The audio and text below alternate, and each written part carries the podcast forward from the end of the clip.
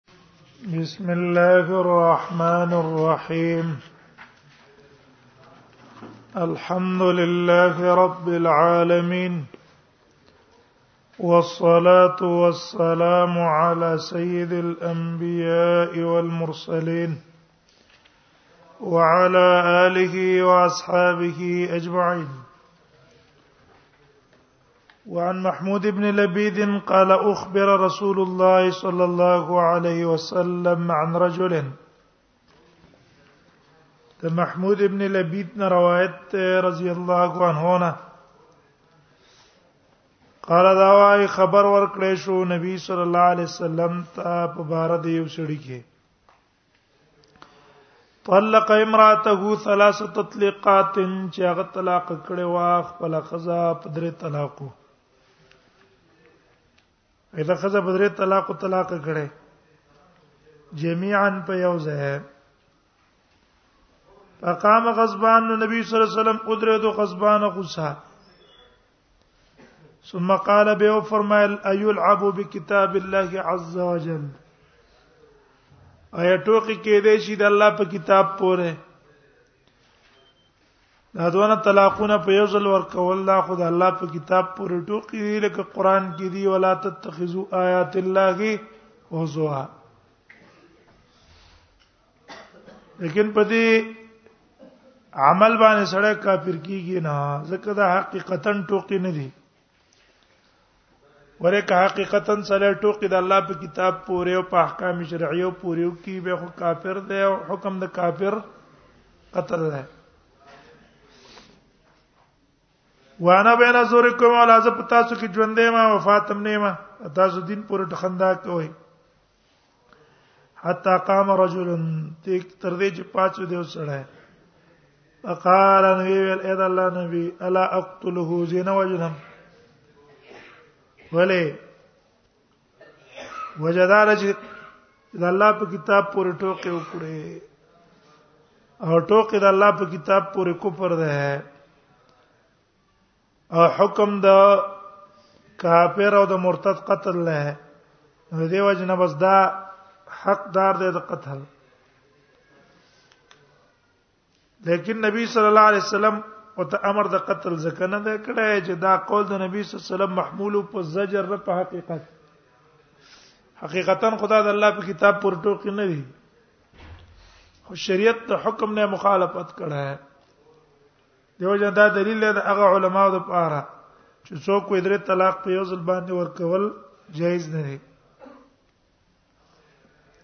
وعن مالك بلغه ان رجلا قال عبد الله ابن عباس امام مالک نے روایت بلغه د ته دا خبر رسیدلې دې ته ابلاغات د مالک وای امام مالک چې کم روایتونه په غیر د سند نه په موطا کې ذکر کړی دي صحابه ته نسبت کړی دی په لفظ د بلغ معنا دا خبره ما تر رسیدلې ده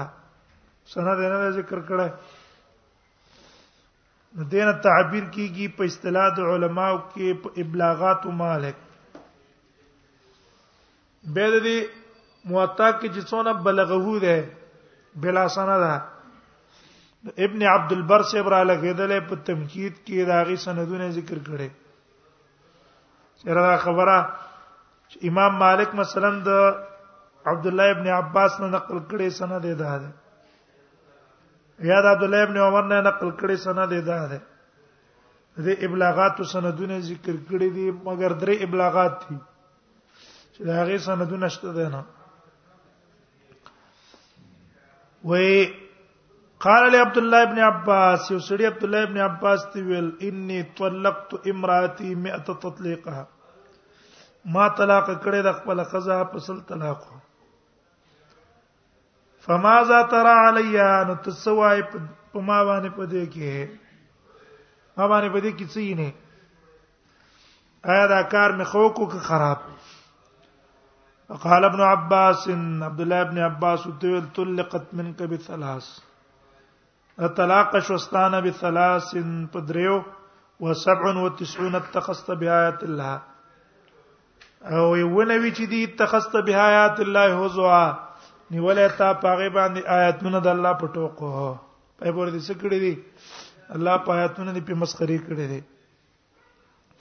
دا دلیل شو د چا د پاره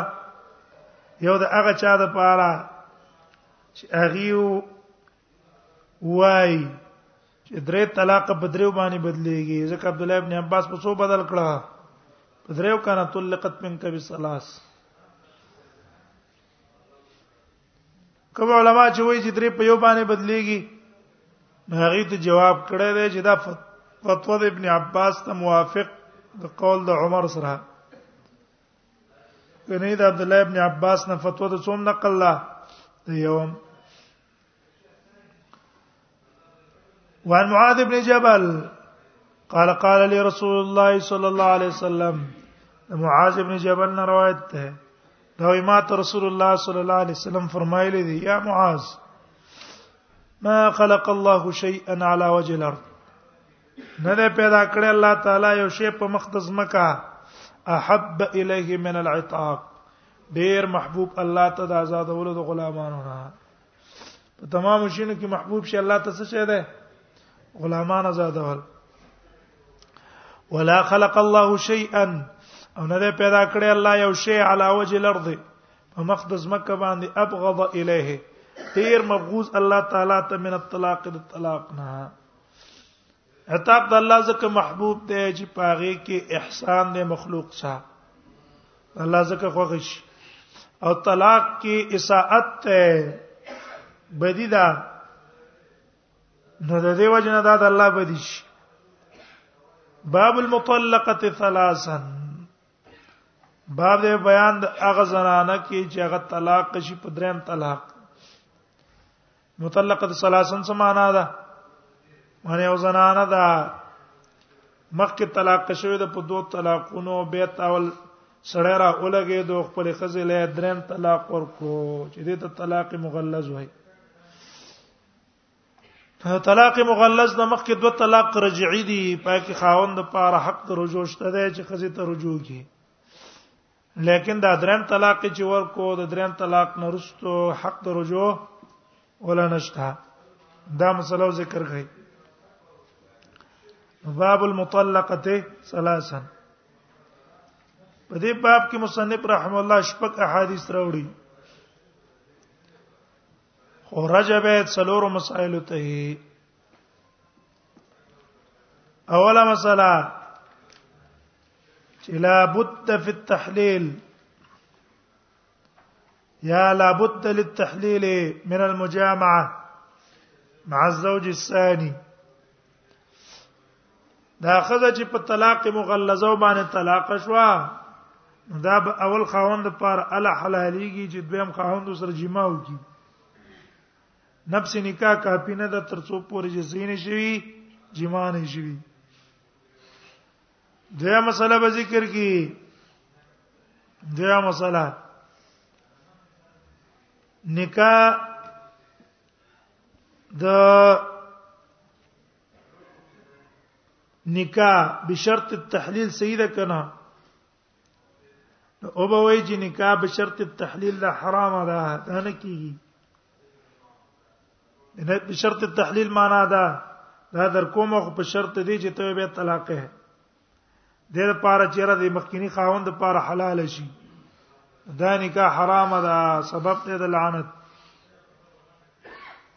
درې مسله به ذکر کې حکم الاله زړه را اولګي دو خپل خزه ته قسم کو زبتن نږدې کېږم ها هغه به څه حکمي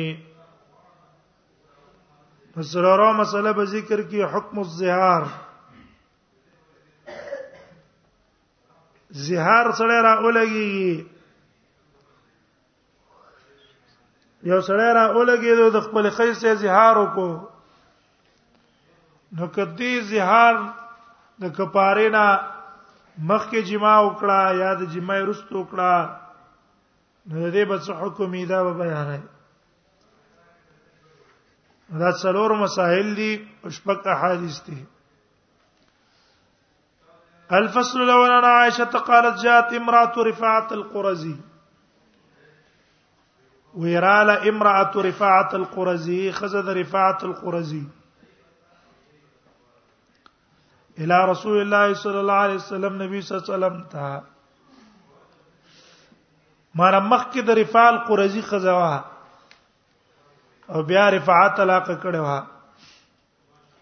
بل خاون کړي وا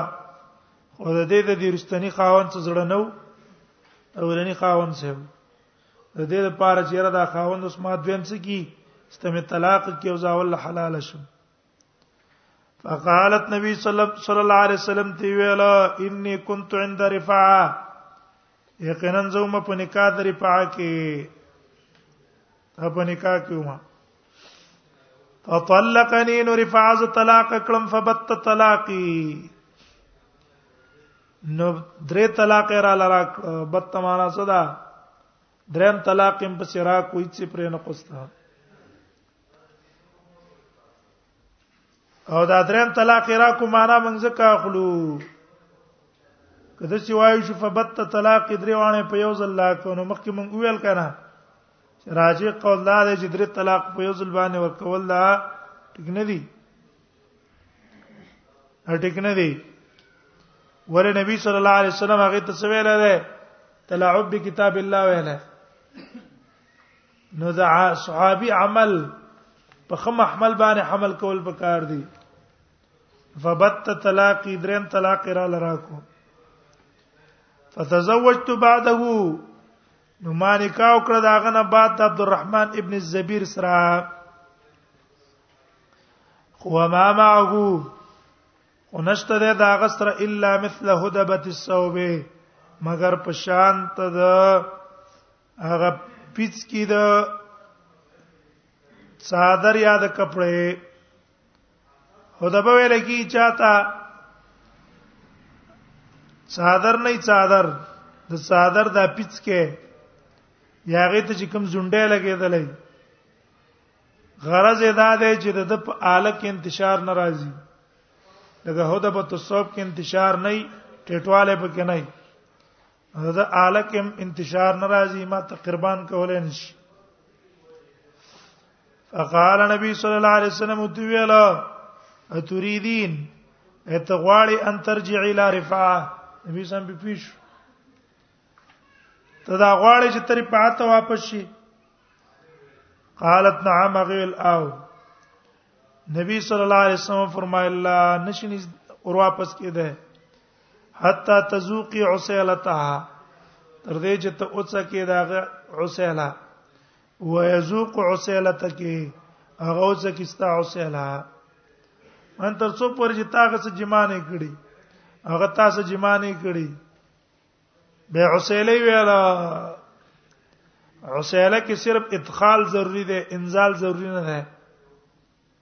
ادخال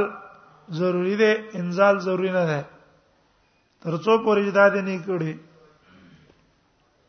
هم به دا حدیث په اتفاق د علماو حتا تن کې حزو جن غیره حتا تن کې حزو جن غیره هغه د پاره څه ده دوله مقید ده الا به حلالي کی ترڅو پورې ځینې کړي بل خاون سره نکاح نه کړی حتی تن کې زوجن غیره او نکاح سره سره قربان نه کړه صرف نفس نکاح کافی نه ده د پاره د حلال دل اول خاون تھا رواه ابن ماجه متفقن علیه باقی مسله اتفاقی ده اختلاف پکې نشته الفصل الثاني عن عبد الله بن مسعود قال لعن رسول الله صلى الله عليه وسلم عبد الله بن مسعود رضی الله عنه نه روایت ده قال لو لعن رسول الله صلى الله عليه وسلم المحلل والمحلل له لعنت کړی رسول الله صلی الله علیه وسلم په محلل او په محلل له محلل هغه کس ته وایي چې د نکاح کړه دا د مطلقې سلاسن تر پنیت د تحلیل زبه ز په څه کوم مړه یو د درې ورځې به ځان سو ساتم او تی به سو کما اول خاون لبه حلال کم به تبه طلاق کم ا محلل له او محلل له هغه مخکینه خاوند دی چې هغه را لګیدل دي سړی ته ویلي چې ته څوکا ته دا وکا او به طلاق قدر پارچ ما د پر حلال شي په دې دوانو باندې لعنت ته په دواړو لعنت ولې ده وجدار چې په دې عمل باندې د خزي عزت خرابې دي په دې کې څه شی ده حد کل مرا د خزي بي زيتی ده په دې کې دویم قلت الحمیه دا د غیرت نه خلاف عمل نه دریم خصت النفس دا عمل دلالت کوي په خصاصت ته نفس د انسان چې دا دواړه خصيصان دي ډېر ذلیل دي دواړه محلل خو زکا خصيص ته چې يعير نفسه بالوت لغرض الغير ځان په سوال باندې سړی تور کو د پاره د غرض د غیر ځانه سوال ورکو وتی د پاره د دې د پاره چې را د خزا ول ته حلال شي چې هغه تحلیل دی لزوج الاول دیو جن نبی صلی الله علیه وسلم د دې مثال بل حدیث کې ورکړی به تیس المستعار مثال ورکړه بتیس المستعار یو چې لري چې په سوال باندې وختل شي د چانه په حدیث د عقبه ابن عامر کې ابن ماجه او بهقي او حاکم راوړل نو خو ذکر او محلل له خو معلوم نه چې ګوره دا خزه تا په درې طلاق او طلاق کې بس په کې پرې د بل او کزان الله دا خزه پرې د چې بل خاون ځان لوږي به علما را لګیدل دي جمهور علما په حدیث د باب باندې استدلال نه ولا ده چې هغه عمر ابن الخطاب ده عثمان ابن عفان ده عبد الله ابن عمر سفيان الثوري او عبد الله ابن المبارك او اسحاق ابن راهوي هم دارنګي امام مالک احمد او شافعي امام مالک احمد شافعي او امام یوسف په احنافو کې استدلال په حدیث نیولای چې نکاح د تحلیل حرام ده باطل ده او په دې نکاح د تحلیل باندې د اخذ او الخاوند لپاره نه حلاليږي نکاح د تحلیل حرام ده او باطل ده او په دې نکاح باندې دا د اول خاون لسنه کیږي دا نه حلاليږي په دې حدیث استدلال نه ولا لعن رسول الله صلی الله علیه وسلم المحلل والمحلل له وینکاد دا لعنت علامه ده څه علامه ده د حرمت او چې دا کار حرام ده دویم استدلال نه ولې په حدیث د عبد الله ابن مسعود چې هغه کوم د قصيري حدیث د عبد الله ابن عمر عبد الله عبد الله بن مسعود روایت خدا شو حدیث د عبد الله ابن عمر چې نبی صلی الله علیه وسلم په دې لعنت ویل دی عبد الله ابن عباس تم دا روایت نقل له علی نم نقل له عقبه ابن عامر نم نقل له په دې ټولو کې لعن الله المحلل والمحلل له او لعن رسول الله صلی الله علیه وسلم المحلل والمحلل له او بل استدلال دی په یو صریح روایت نه ولای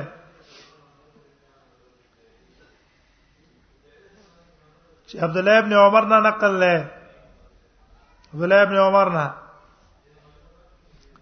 نافع واي ان رجلا سال ابن عمر ويو سړي د عبد الله ابن عمر نه تاسو کو ان خالي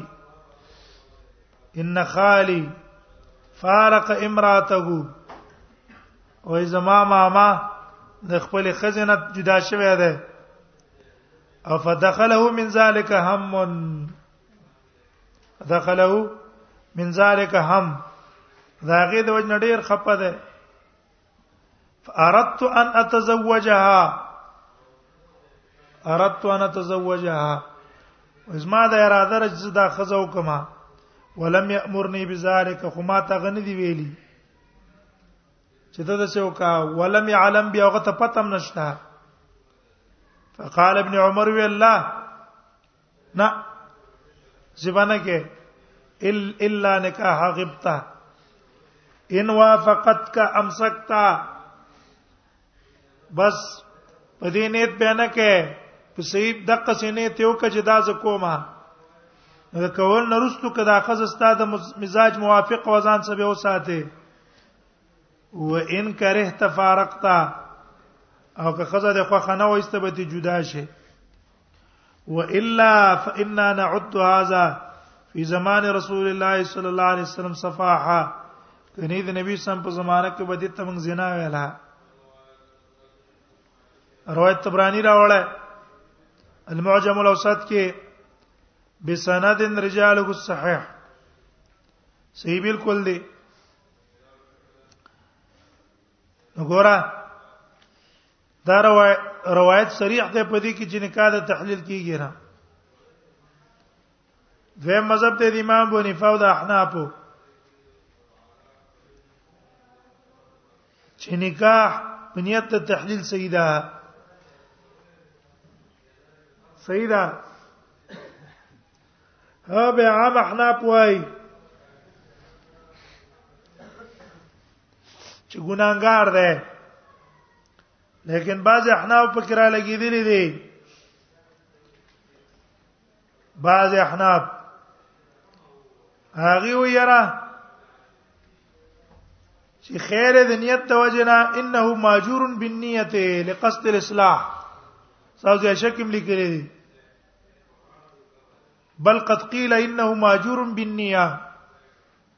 په نکاح د تحلیل کې کدا غرضو چې دا زه وکما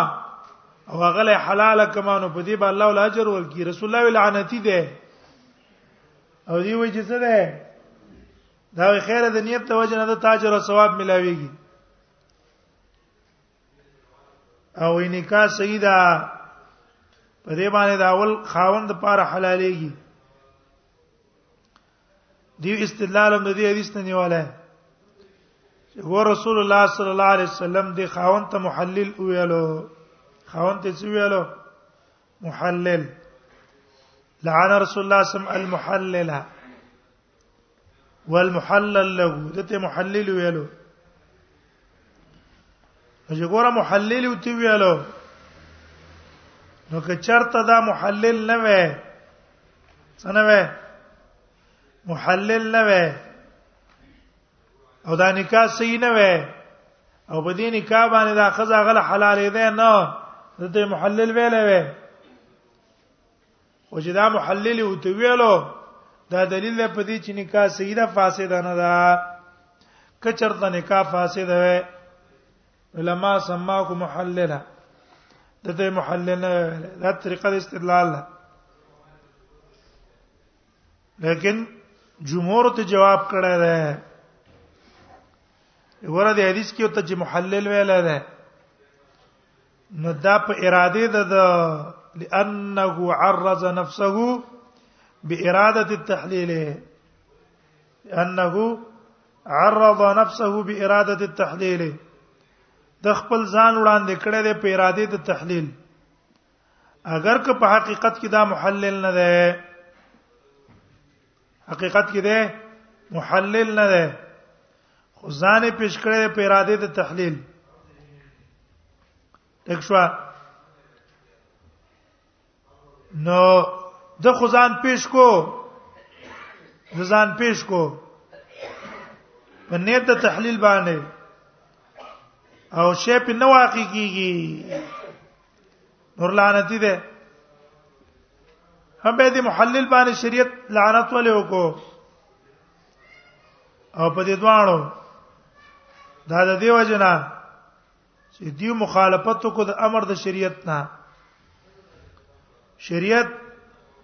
اولنی خاوند لپاره ګران ګر شرطونه مقرر کړی تا دا خزه بدران طلاق طلاق کړه وسی چې تکین ډیر ګران شرطونه دي بل خاون به کوي او هغه به طلاقي او به به پست دین تکه رضا وي تزویجها زوجا اخر ثم خروجها منه بطلاق زوجتي دښوا ابا طلاق ورکي ابا پسخ ورکي وغیر ذلک نو تیر اولګي د ټولو نه مخالفت وکړو دیو جنا شریعت ته محل لعنتی ویلو دا لعنت ده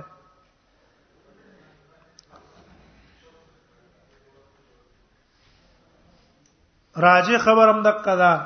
چې نکاح د تحلیل صحیح نه ده او نه په نکاح د تحلیل باندې خزه خاو حلالېږي دوی صدیق حسن خان رحم الله پر روزه الندی کې وای حدیث لعن المحلل مروی من طریق جماعت من الصحابه حدیث لعن المحلل مروي من طريق جماعه من طريق من الصحابه وی حدیث د لعن الله المحلل دا په مختلفو صحابونو نقل لای باسانید بعضها صحيح وبعضها حسن مختلفو سندونو چې بای سندونه صحیح دي بعضی حسن دي اول لعن لا يكون الا على امر غير جائز في الشريعه او لعنت په کم کار باندې دا سه کار باندې چې په شریعت کې جائز نه شریعت المطهره بل على ذنب هو اشد من الذنوب بلکې لعنت پاغه ګناه باندې چې په ټولو ګناونو کې ډېره سخت دی فالتحليل غير جائز في الشرع دا تحلیل په شریعت کې جائز نه ده او که چرته جائز وې لم يلعن فاعله په دې تحلیل کوونکې باندې به لعنت نه ویلای او ور راضی به اج څوک په دې راضی پاغه به لعنت نه ویلې بیا وی وځا کان الفعل حراما غیر جائز فی الشریعه یو کار چې حرام او په شریعت کې جایز نه فلیس بعد فليس نو فليس هو النکاح الذي ذكره الله تعالی دا خو غنی کار نه چې قران کې الله ذکر کړی دا حتا تن کې ازو جن غیره حتا تن کې کوم نکاح ده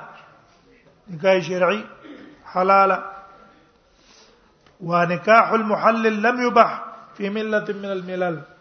او نکاح د تحلیل په یو شریعت کې جایز نه ده اولم يفعل واحد من الصحابه نکم صحابي کړه دا اول ابتا بیا احد نه په کوم مفتی پتو ور کړه دا دا خو دا بدبخت مفتیان دي ناس دي او بس نکاح د تحلیل د پاره زینم کولاو کړي او یار شه نکاح وتړه لعن الله المحلل والمحلل له والمفتي به کنه شولې دام لعنت دي دا فتوا چې څوک په ورکه دام لعنت دي ولې دا په منځ کې سبب ته کنه ده ورای شو بینه وما الراشي والمرتشي والرائش رائ رشوت غستون کې ورکون کې منځ کې پکې منډي وون کې ټول په لعنت کې شریک دي کنه دي مفتی صاحب هم پکې ده او تیرور په درې طلاق او طلاق کړي دا بس کړه جمهور فتوا مولا ورکه نو ته بس لاس تینځ په قلار کې نه ولې ورکوله زاوس خپل کار کوه نکاح د تحلیل جایز نه ده دیو جنا من په اول باندې فتوا ولې ورکو چې څل درې په یو باندې بدليږي دا د دې مرزونو د بچ کېدو د وجه نه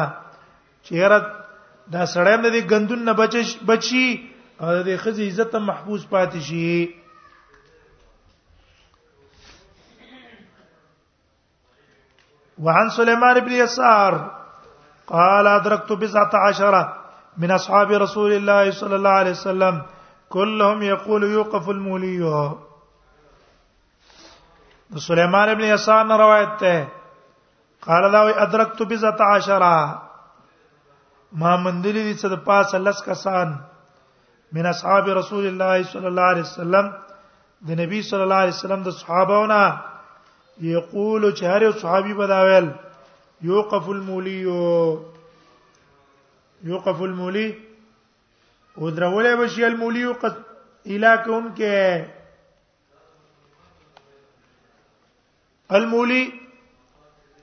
هغه چاته وي چې هغه قسم کړی د خپل خزینه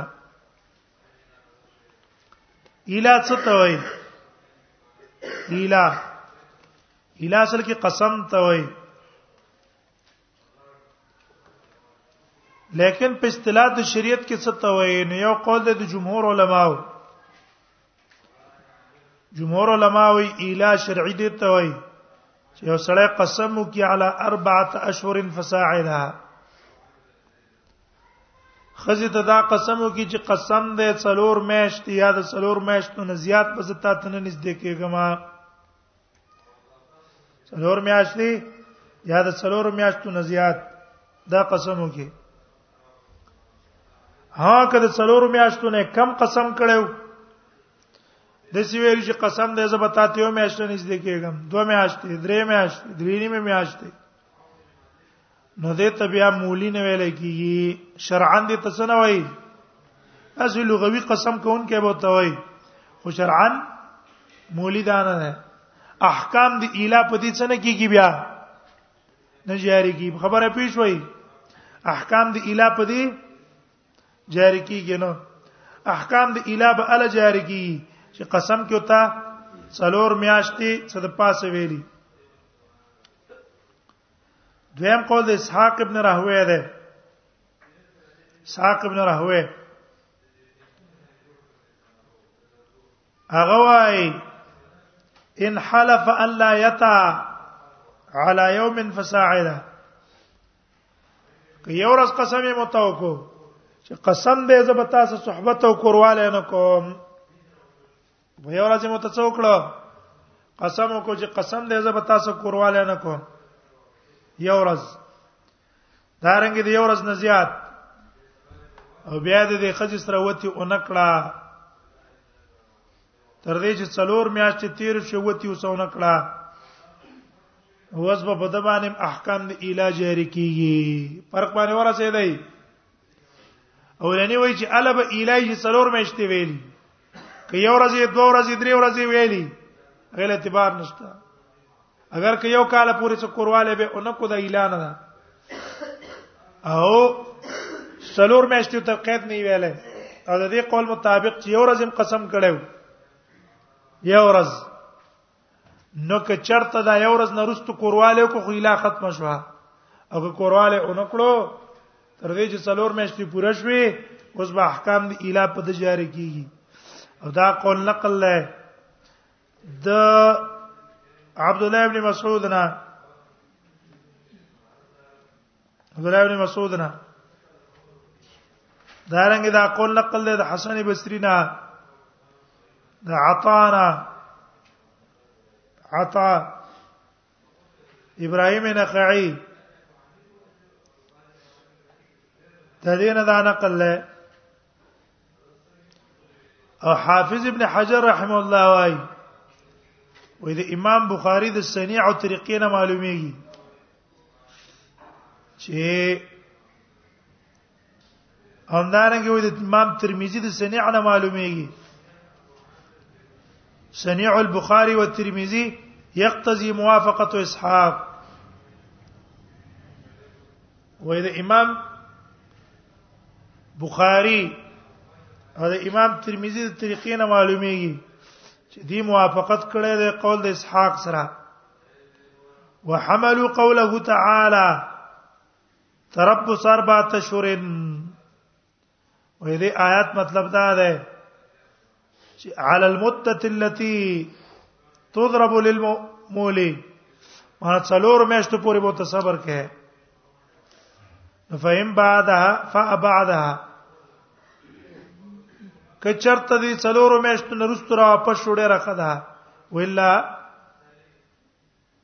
لزم بالطلاق او کنه بیا په طلاق زور چې شابه خزي تنه نږدې کی طلاق واچوا دا ول اختلاف شو پوه شوې په اولنې قول وای چې الب احکام به جاری کی څلور میاشتې قید ذکر کی او دویم قول دا وای چې یو ورځ هم طلاق کړو او چې څلور میاشتې پورې پورې نږدې نشو احکام د الهه په جاری کیږي دویا مسله حکم د اله ده یو سړی خپل خځې سره اله وکي مسله دا ده که څلور میاشتو کې یو قسم یې کړو خځه تا چې زبتا ته څلور میاشتې نه د نږدې کېږم مطابق د قول د جمهور او د یو ته ورنږدې شو د څلور میاشتو نه مخکې مخکې بس قسم په واغستو کفاره د قسم باور کوي او دا اول قول متا دویم قول مطابق کدا غورس کې ته نږدې شو قسم دی په او کدا ورځ نرستو ته نږدې شو کفاره د قسم هم په بیان شته او کنيز دی وسره شو وتی وسرونه کړه تر دې چې څلور میاشتې تیر شوې آیا په دې څلور میاشتو تیرې دوه باندې طلاق واقع کیږي کنه دې څلور میاشتو تیرې دوه باندې طلاق واقع کیږي کنه نو یوقف المولی د دې مسئلې سره تعلق لري یو قول د علماو دا ده چې د عبد الله بن مسعود نن نقل لای او د عبد الله بن عمر نن نقل لای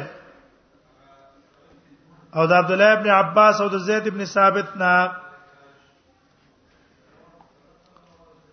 او دا قول د ابن سیرین د مسروق او د امام ابو حنیفه چې څلور میاشتې تیرې دو باندې بس یو طلاق واقع شو باینن ضرور مې عاشق ته نږدې نه شو او څلور میاشتې پوره شوې تیر شوې بس په خپل اتوماتیک طلاق یو واقع شو باین کبه ته دا خاوند رجوع کوي خزي ته نشي کولای ترڅو په تجدید تجدید دا نکاح نه کړی او دویم قول د سعید بن المسیب ده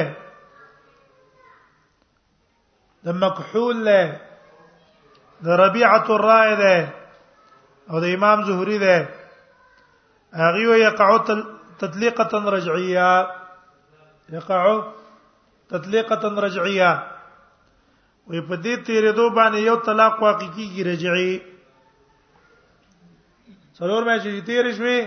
خپل بس یو طلاق واقع شو حکم طلاق رجعي خاون د بیت حق ته رجوع شته چې خزي ته رجوع کی دویم قول امام بخاری نقل کړی د عبد الله ابن عمر نه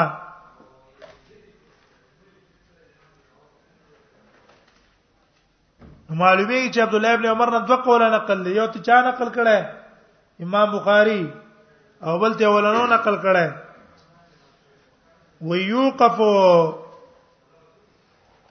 چې نه یوقف المولیو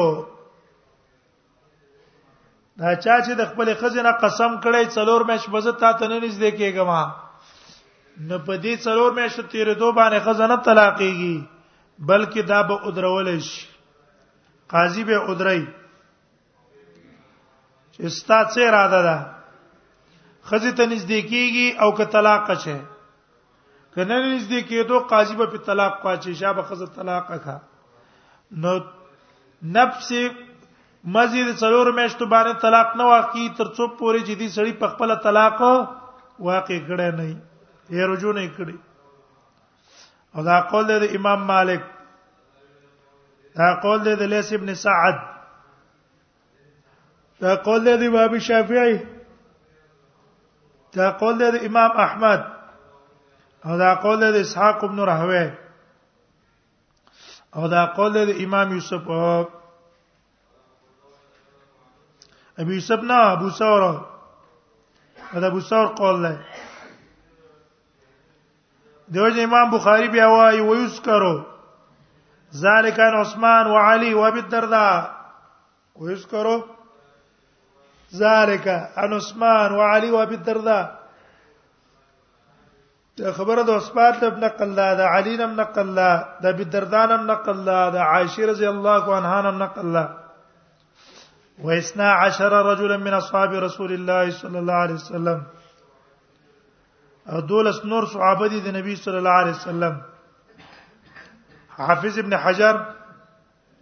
بیا دغه آثار متصل کړي په سند باندې او دلته سليمان ابن يسار موای